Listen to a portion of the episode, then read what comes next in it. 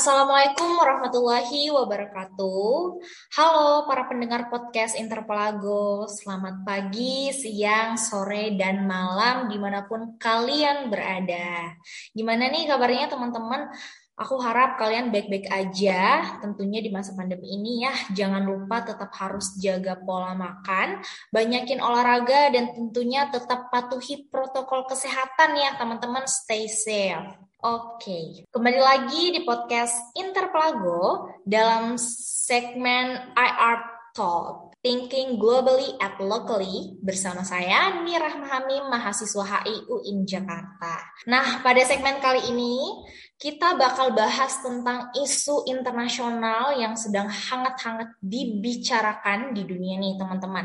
Nah, kira-kira teman-teman ada yang tahu nggak nih isunya apa? Yaps, benar banget. Kita bakal bahas tentang Ukraina dan Rusia yang sekarang lagi hangat-hangat banget nih, teman-teman.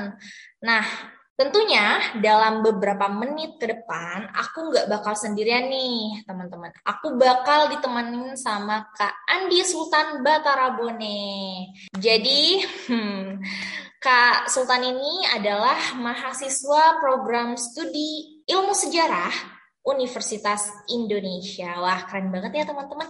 Langsung aja nih kita sapa Kak Sultan. Halo Kak Sultan, apa kabar? Halo, malam, baik-baik. udah siap nih Kak buat uh, sharing-sharing malam hari ini? Udah, udah. Alhamdulillah. Oke, nah langsung aja nih ya Kak Sultan dan teman-teman semua. So, guys, sesuai dengan judul podcast kita yaitu NATO's role when Ukraine bleeds atau peran NATO saat Ukraina berdarah. Nah, apa itu NATO? Teman-teman mungkin ada yang belum tahu nih, Kak Sultan. Jadi, NATO ini adalah North Atlantic Treaty Organization atau Pakta Pertahanan Atlantik Utara. Nah, ada apa sebenarnya dengan NATO gitu? Jadi diberitakan itu NATO ini menjadi salah satu kunci yang mendorong terjadinya konflik Rusia dan Ukraina. Wah, karena kabarnya nih Rusia nggak suka nih kalau Ukraina ini bermitra atau bekerja sama dengan NATO. Nah, ternyata setelah ditelusuri memang salah satu latar belakang dibentuknya NATO itu untuk menyatukan militer barat terhadap kemungkinan invasi Uni Soviet. Nah, sehingga jika Uni Soviet atau Rusia nih ya teman-teman di dalam kurung ya, menyerang salah satu anggota NATO, maka akan dianggap sebagai ancaman bagi seluruh anggota termaksud Amerika Serikat. Nah, langsung aja nih kita tanya ke Kak Sultan nih, ahli sejarah nih.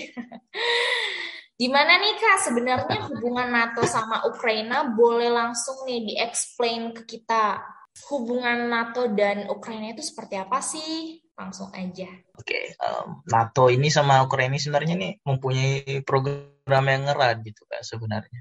Banyak program-program NATO gitu yang um, sejak dahulu kemerdekaan apa ketika Uni Soviet runtuh gitu dan negara-negara bawahannya Uni Soviet seperti Ukraina, Kazakhstan dan lain-lain itu ketika memerdekakan diri itu sudah mempunyai hubungan yang erat dengan NATO. Karena mungkin yang bisa menjadi pertimbangan gitu karena um, terdapat persaingan antara Eropa Barat dengan Eropa Timur tentunya. Yakni Eropa Barat kan NATO, Prancis, Inggris dan semacamnya gitu. Berbeda dengan Eropa Timur. Apalagi kalau misalnya kita melihat sejarah gitu Eropa Barat dan Eropa Timur itu sebenarnya tidak pernah akur tidak pernah akur sehingga mungkin ini bisa menjadi apa pertimbangan gitu. Pertimbangan selanjutnya apa sebenarnya gitu. Uh, mengapa uh, pada akhirnya NATO berusaha mengekspansi gitu, uh, mengekspansi uh, baik kekuatan dan semacamnya gitu dan pengaruh juga tentunya ke wilayah Eropa Timur.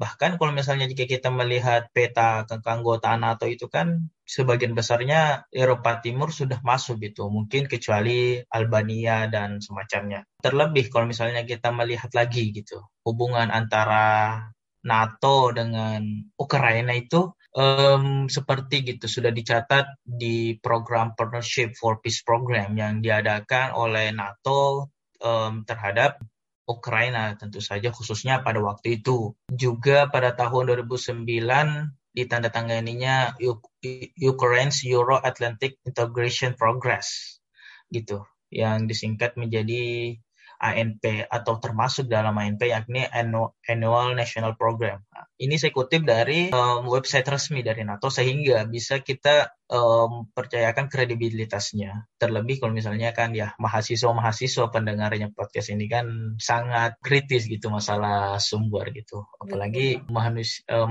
mahasiswa itu terkenal dengan idealismenya yang sangat tinggi gitu. Betul, betul. Sehingga ya mungkin kita harus berhati-hati sebenarnya kalau bicara dalam masalah ini. Apalagi um, sebenarnya persoalan ini ya sangat menarik banyak perhatian. Tidak hanya masyarakat umum, mahasiswa gitu. Saya lihat di di UI saja itu terlihat kedengaran gitu kan. Hmm. Apa namanya diskusi-diskusinya sambil ngopi gitu kan. Bener-bener uh, kayak gitu ya di UI ya. Iya. Oke oke. Nah uh, tadi mungkin itu saja kak hubungan NATO dengan Ukraina gitu. Oke okay, oke okay, oke. Okay. Jadi uh, kita emang bahas uh, dari sejarahnya nih ya teman-teman. Nah tadi emang dijelasin kalau Eropa Barat sama Eropa Timur ini nggak pernah nyatu gitu dari sejarah zaman zaman dulu aja gitu nggak pernah akur gitu. Iya. Nah Ukraina ini kan masuk di uh, Eropa Timur gitu. Kenapa yeah. tiba-tiba Ukraina ini mau bergabung gitu atau mau menjadi mitranya NATO gitu? Mm. Nah, secara historis kan berantem terus tuh. Kira-kira gimana yeah. tuh Kak Sultan? Mungkin gitu ya sebelum dilanjut itu mungkin ya ada orang mungkin ada salah paham gitu kan. Sebenarnya ini persaing uh, persaingan antara Eropa Barat dan Eropa Timur itu lebih ke bagi kekuatan mana sih yang mempunyai pengaruh gitu. Um, um, seperti maksudnya ya kerajaan-kerajaan seperti Prancis, Inggris yang berada di wilayah barat gitu um, bersaing gitu dengan seperti kerajaan Austria-Hongaria yang walaupun terletak di Eropa Tengah tetapi notabene-nya berciri timur gitu. Terlebih wilayah kekuasaannya kebanyakan di timur gitu. Um, seperti kerajaan Serbia juga yang notabene-nya kan penyebab perang dunia pertama. Sedangkan NATO ini kan muncul setelah Perang Dunia Kedua gitu.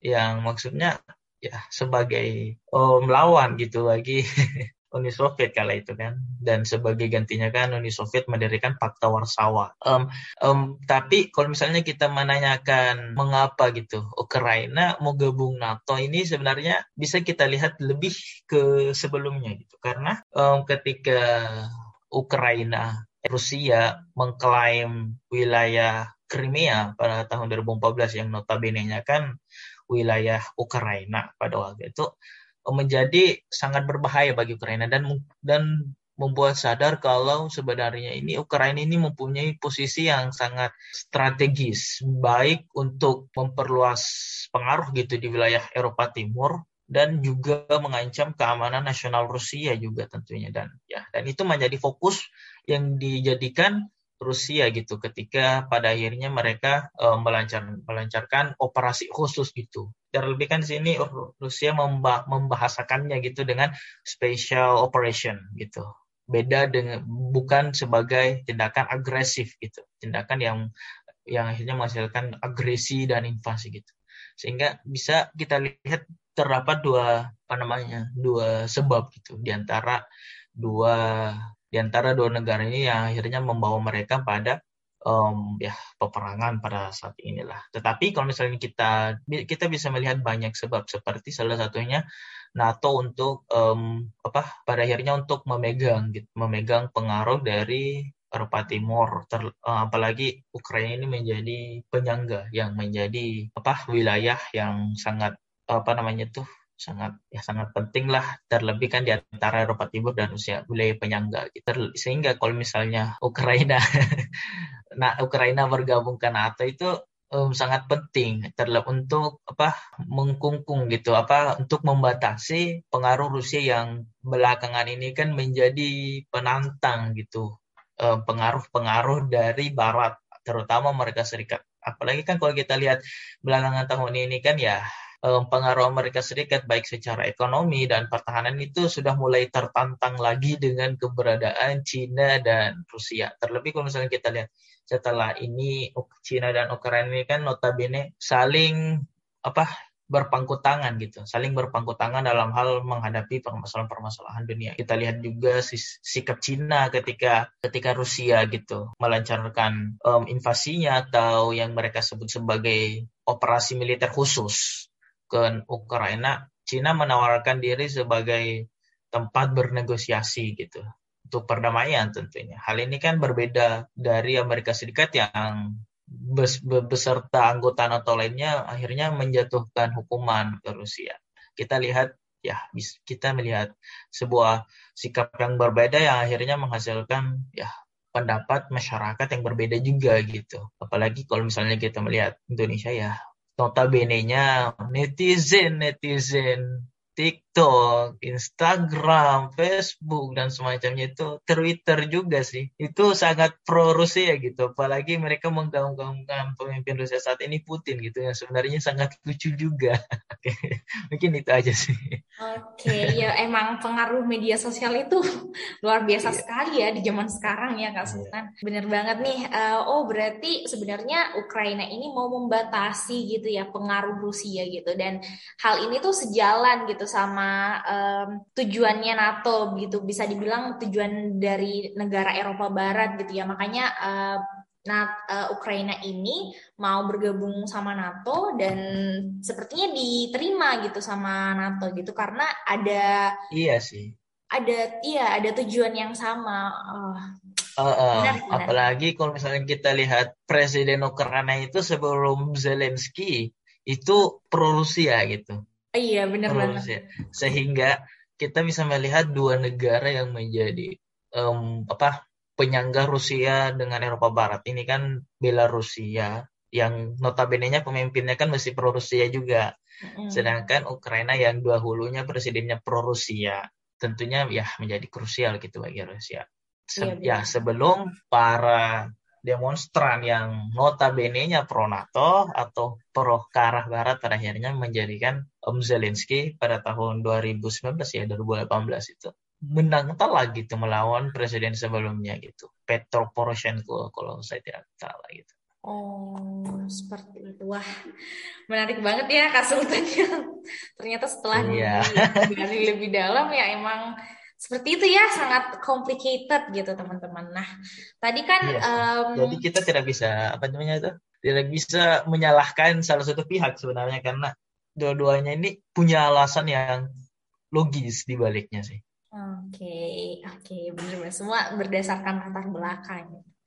Nah, kan tadi udah dijelasin tentang kenapa NATO sama uh, Ukraina, eh, kenapa Ukraina mau bergabung ke NATO gitu.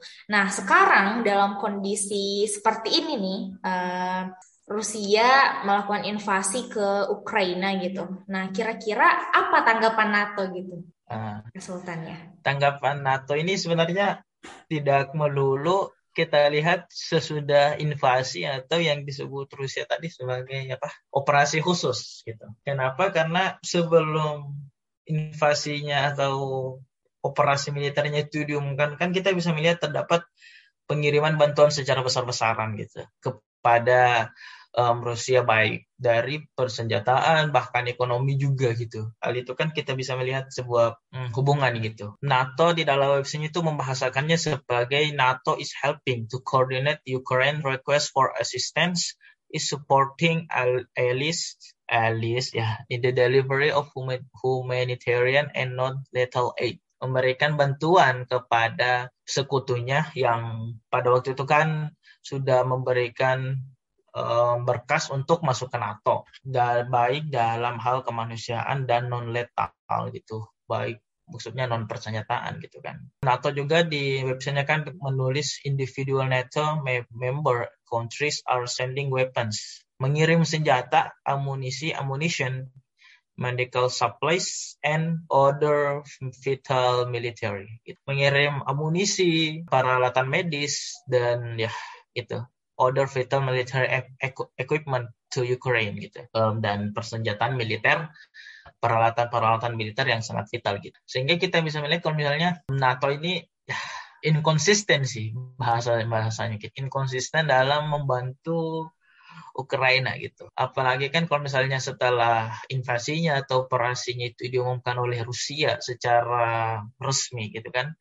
Ukraina seperti uh, melangkah satu langkah ke belakang dibanding apa yang telah mereka lakukan sebelumnya gitu. Mereka seperti um, mengatakan kalau NATO itu organisasi fakta militer yang bersifat defensif atau bertahan gitu. Sedangkan Ukraina sendiri belum menjadi belum menjadi anggota dari NATO walaupun keanggotaannya sudah diajukan gitu. Ya, gitulah kita bisa lihat sebuah perbedaan yang sangat berbeda gitu. Tetapi um, hal ini juga bisa kita pahami sebagai upaya NATO dalam menghindari konflik yang lebih besar lagi skalanya. Sehingga karena kan ini kita bisa melihat Rusia dan Ukraina itu merupakan konflik regional yang sangat berpeluang menjadi konflik global gitu. Walaupun sebenarnya konflik-konflik regional sebelumnya kan banyak juga yang um, dikatakan bisa berpeluang sebagai konflik nasional seperti konflik di Armenia kemarin konflik um, Taiwan yang sekarang kan lagi panas-panasnya juga gitu. Konflik Israel dan Palestina dan semacamnya itu kan konflik-konflik regional yang berpeluang menjadi konflik global gitu. Mungkin bisa kita artikan apa yang menjadi sikap NATO sekarang ini yang yakni dalam hal menjatuhkan sanksi dan semacamnya itu sebagai ya sikap untuk mencegah gitu. Apa yang dampak yang lebih luas. Terlebih kalau misalnya kita melihatkan ini apalagi setelah um, jawaban yang diterima Zelensky kan tidak mengirimkan bantuan yang signifikan gitu kepada Ukraina setelah invasi atau operasi ini kan Zelensky di dalam Twitternya itu kan kecewa gitu. Kecewa. Dia nge-tweet gitu. Saya, saya juga lupa sebenarnya dia nge-tweet tapi um, isi dari tweetnya itu um, dia itu kecewa dengan sikap NATO gitu. Apalagi kan um, dia itu seperti di PHP mungkin di PHP-in pacarnya mungkin dia. Aduh, aduh, aduh di PHP NATO untuk memberikan bantuan yang signifikan tentunya. Walaupun bantuan-bantuan sebelumnya kan tentu memberikan dampak yang pada akhirnya pada hingga sekarang NATO mesti eh bukan NATO Ukraina itu bisa bisa bisa bertahan. Kasihan sih di PHP. Oke, okay, berarti ya seperti di pemberitaan memang NATO ini kayak um, kurang respon gitu ya keadaan dari uh, Ukraina sekarang gitu. Tapi uh, ada ya, juga betul. bantuan yang yang diberikan meskipun tidak banyak gitu karena seperti yang yeah. tadi dijelaskan sama Kak Sultan nih teman-teman memang uh, ada apa ya uh, pemberitaan yang mengatakan bahwa uh, kenapa NATO seperti inkonsisten gitu seperti mau atau tidak mau membantu Ukraina ya karena yeah. menurut analisis mereka kalau mereka juga membantu gitu kan akan ada perang yang lebih besar dari ini gitu. Dan mereka yeah. menghindari hal tersebut gitu teman-teman. Jadi yeah. ya emang mungkin yang perlu diperhatikan lagi nih penjatuhan sanksi gitu. Penjatuhan sanksi NATO NATO yakni termasuk Amerika baik bahkan bukan anggota NATO sempit sih. Um, Singapura kan yang notabene-nya bukan NATO kan tetap menjatuhkan sanksi gitu ke Rusia dan semacamnya. Terlebih sikap Indonesia gini sih sebenarnya keren sih sikap Indonesia ini. Sangat apresiasi yakni dia um, sangat um, menjalankan politik bebas aktifnya. Bahkan mungkin saya yang maksudnya orang-orang sejarah nih mungkin per ini sih pertama kalinya saya melihat Indonesia itu benar-benar politik bebas aktifnya tuh aktif benar. Ketika mereka abstain gitu. Mereka abstain kan di PBB waktu iya. PBB sedang ya voting gitu. Mereka abstain apa itu menunjukkan kalau misalnya Indonesia itu bebas aktif. Tapi lebih kembali ke sanksinya ini sebenarnya kita itu bisa melihat terdapat sebuah permainan politik itu. Kalau sebenarnya kita sadar, kenapa? Karena um, sanksinya ini kan berkutat di masalah ekonomi berkutat di masalah ekonomi bahkan ya saya sebagai penonton Liga Inggris juga dan pasti penonton ini kan ada penonton Liga Inggris juga sih ini pasti. Ya, baik, baik. ketika pemilik Chelsea Roman Abramovich dibekukan dan pada akhirnya Chelsea harus ya berpindah tangan dalam hal kepemilikan klub gitu kan. Kita bisa melihat terdapat sanksi yang sangat memberatkan secara ekonomi kepada Rusia. Dan Rusia membalasnya dengan pembatasan ekspornya ke wilayah barat karena kan ya kita bisa melihat kebutuhan dari Eropa itu Eropa Barat terutama baik minyak dan semacamnya itu sangat apa sangat bergantung kepada Rusia. Terlebih kalau saya tidak salah itu seperti kebutuhan minyak Jerman yang 60 persennya itu diekspor gitu, eh diimpor gitu dari Rusia itu. Sehingga Rusia membalasnya dengan kalau Anda ingin membeli minyak ya bayar pakai mata uang saya gitu. Ini kan sebuah yeah, gaya ya, gaya membalas yang sangat mungkin kalau main ML gitu savage gitu. epic ya, epic. Iya, yeah, epic gitu.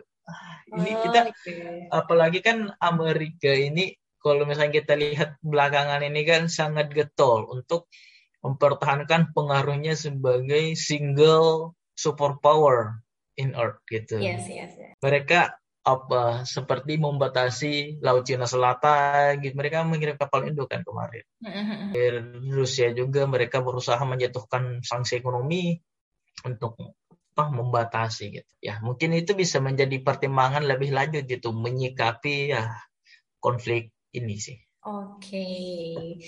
Wah, lumayan ya. Agak ini aduh emang luas banget bahasannya nih teman-teman ya. Tapi uh, dari situ tadi uh, ada banyak uh, mungkin insight baru gitu kan sampai berimpact ke minyak, ke apa? ke yeah. klub klub sepak bola gitu kan. Itu Iya sih.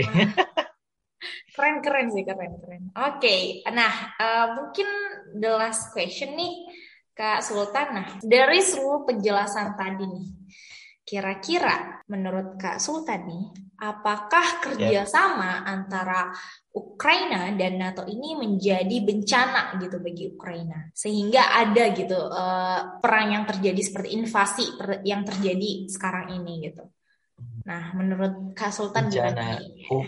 bencana Ukrainanya ini sih kalau saya sih lebih ke bencana buat Rusia karena saya kita di sejarah itu kan apa mempercayai kalau peristiwa sejarah itu pasti berulang walaupun ya konsepnya berbeda. Sedangkan ya ini masalah Ukraina ini sebenarnya sudah terjadi walaupun konsepnya berbeda. Seperti yang terjadi di Kuba pada tahun 1962, yakni ketika terjadi krisis Kuba. Ini kan Amerika itu membahasakannya sebagai senjata di luar pagar. Yakni kan kita bisa melihat posisi Kuba dengan Amerika Serikat itu kan sangat dekat apalagi Kuba pada waktu itu kan um, notabene-nya lebih ke arah um, kiri Uni Soviet pada waktu itu. Nah, kita bisa melihat terjadi apa sebuah peristiwa yang kurang lebih sama dengan Ukraina. Karena jika saja Ukraina masuk NATO, kita bisa melihat um, bis, um, NATO bisa rudal rudal balistiknya itu di Ukraina. Yang secara tidak langsung ini bisa kembali ke bahasan ke bahasa dari John F. Kennedy pada waktu itu yang menjadi presiden Ukra presiden Amerika Serikat yang membahasakannya sebagai rudal di luar pagar gitu. Itu kan Ukraina dengan Rusia ini sangat berbatasan langsung dengan Rusia yang yang tentunya ini kan searah dengan apa yang telah terjadi dengan Amerika pada waktu itu. Sehingga bisa kita katakan Amerika ini secara tidak langsung tidak tahu diri sih. Tidak tahu diri kalau misalnya dia itu pernah melakukan apa yang apa yang telah Rusia lakukan. Ini kan bahkan pada waktu itu kan lebih parah lagi um, um, Amerika kan pada akhirnya memblokir memblokir hubungan laut Kuba dengan um, dunia luar. Bahkan kan mengirimkan kapal perangnya langsung untuk uh, ber, ber apa bersiaga di luar Kuba bahkan kan kita bisa melihat terdapat sebuah invasi teluk babi dan semacamnya di Kuba ini kan. Ya hal yang seperti yang kurang lebih seperti juga terjadi di Ukraina. Tetapi saya juga tidak bisa menghukumi gitu. Apalagi kan saya bukan orang Ukraina saya tidak merasakan perang yang di sana. Dan kita sebagai orang Indonesia juga sebenarnya ini buat netizen netizen nih Soalnya tidak bisa menghukumi gitu. Oh Rusia yang benar, Ukraina yang benar karena Anda tidak hidup di Ukraina, Anda ya, tidak hidup di Rusia gitu. Benar, Anda benar. harus memposisikan diri sebagai warga Rusia dan warga Ukraina yang terdampak secara langsung gitu. Apalagi kalau misalnya um, Ukraina gitu. Ini sebenarnya sangat um, sangat krusial gitu keputusan Ukraina. Sehingga kalau ini kan yang ditekankan ketika negosiasi damai kan ini kan Rusia itu menginginkan kenetralan, kenetralan dan demilitarisasi dari Ukraina. Hal itu kan um, searah dengan keinginan agar Rusia agar Rusia itu aman dari NATO pada waktu itu. Nah, bukan pada waktu itu sih, pada waktu sekarang dan ke depannya gitu. Keamanan nah, Rusia sebagai sebuah negara yang berdaulat. Apalah, tetapi yang perlu dicatatkan Ukraina jika terjadi sebuah demilitarisasi besar-besaran, apalagi wilayah ini kan menjadi penyangga antara Eropa Timur dengan wilayah Rusia wilayah, Rusia yang di Eropa kan ini kan jika terjadi demilitarisasi besar-besaran Ukraina kan berpeluang lebih berpeluang gitu untuk dijadikan alat gitu. Sehingga hal itu juga menjadi sebuah ketidakmungkinan bagi Ukraina gitu. Sehingga kita bisa melihat dua sebab yang keduanya logis dan bisa dijadikan alasan gitu. Sehingga penghukuman di antara kedua um, ini kan tidak bisa. Apalagi kalau misalnya kita melihat Luhansk dan Do Luhansk dan Donetsk yang memerdekakan diri notabene-nya dari Ukraina ini kan ternyata kaya sumber daya alam gitu kaya sumber daya alam sebenarnya sih kalau kita melihat peta penyebaran sumber daya alam di Ukraina ini sebagian besarnya di wilayah Donetsk ya wilayah Donetsk yang Luhansk dan Don apa nih gua saya lupa sih Luhansk dan itu eh bukan Donbass. wilayah Donbass. Luhansk dan Donetsk ini notabene-nya berada di wilayah Donbass sehingga ya bisa menjadi pertimbangan lebih lanjut. Ya, gitulah. Mungkin oh. hanya itu saja sih yang bisa di, saya sampaikan gitu. Oke, okay. wah Berarti uh, tergantung sudut pandang sih ya sebenarnya kita juga nggak bisa bener banget nggak bisa menghakimi gitu kalau yang salah ini Rusia yang benar ini Ukraina gitu meskipun uh, yang kita setuju itu invasi itu tidak boleh yang kita setuju nah. itu perang tidak boleh kita oh. setuju Oke oke oke oke deh Thank you Kak Sultan Batara Bone. Wah, kita udah sampai di penghujung acara nih, teman-teman. Wah, Mungkin tadi kan udah ini ya uh, bahas dari sejarahnya uh, Eropa gejolak antara Eropa Barat Eropa Timur terus kerjasamanya Ukraina sama NATO terus tanggapannya uh, Rusia gitu. Bagaimana Rusia membalas um, sanksi yang dijatuhkan kepada dirinya itu uh, dari negara-negara NATO dan negara-negara yang lain. Luar biasa banget ya tadi teman-teman penjelasan dari Kak Sultan. Terima kasih sekali lagi Kak Sultan untuk insight barunya buat pendengar podcast Interpelago uh, di sesi kali ini. Uh, Kak Sultan ada sepatah kata nih buat mungkin buat pendengar uh, podcast kita. Pendengar podcast ya, bentar. Saya lihat dulu. Banyak sih. waduh, waduh, waduh. uh, mungkin ini saja sih. Aduh, saking banyaknya nih ya teman-teman sampai bingung mau pilih yang mana nih. Ya sih, uh, mungkin ini aja sih. Um, para ini mungkin ya bisa dicatat, enggak sih, enggak usah sih. Para pendengar adalah orang-orang yang lapar akan informasi dan layaknya orang lapar mereka akan memakan apa pun yang terhidang. Dan tentunya bukan pemakan atau yang orang lapar tadi gitu yang mengetahui makanan apa yang yang makan. Yang mengetahui makanan adalah penyaji dari makanan tersebut Oh my god, keren banget. Aku paham, paham, paham. Wah, sangat-sangat, oh, benar banget ya teman-teman. Intinya yang aku tangkap dari closing statementnya Kak Sultan itu pokoknya kita bagaimana uh, bisa memfilter apa yang kita dapat karena ya kita nggak tahu asli ceritanya tuh kayak gimana gitu informasi sebenarnya kejadian sebenarnya itu seperti apa gitu ya Kak Sultan ya Oke. Okay. Nah, betul, karena saya sebagai saya juga pernah merasakan bahwa media itu busuk gitu. Jadi kita harus berhati-hati kepada media. benar, benar, benar, benar. Oke, oke, oke. Terima kasih sekali lagi Kak Andi Sultan Batara Bone untuk uh, insight-nya malam hari ini udah meluangkan waktu membagi cerita, membagi ilmu bersama teman-teman pendengar podcast Interpelago. Uh, mungkin terakhir juga dari aku, makasih semuanya yang sudah mendengarkan podcast ini sampai akhir. Mohon maaf kalau ada salah kata. See you next time, teman-teman. Uh, Sampai jumpa di podcast IR Talk selanjutnya. Aku Nirah Mahamim, pamit undur diri. Sampai jumpa. Bye.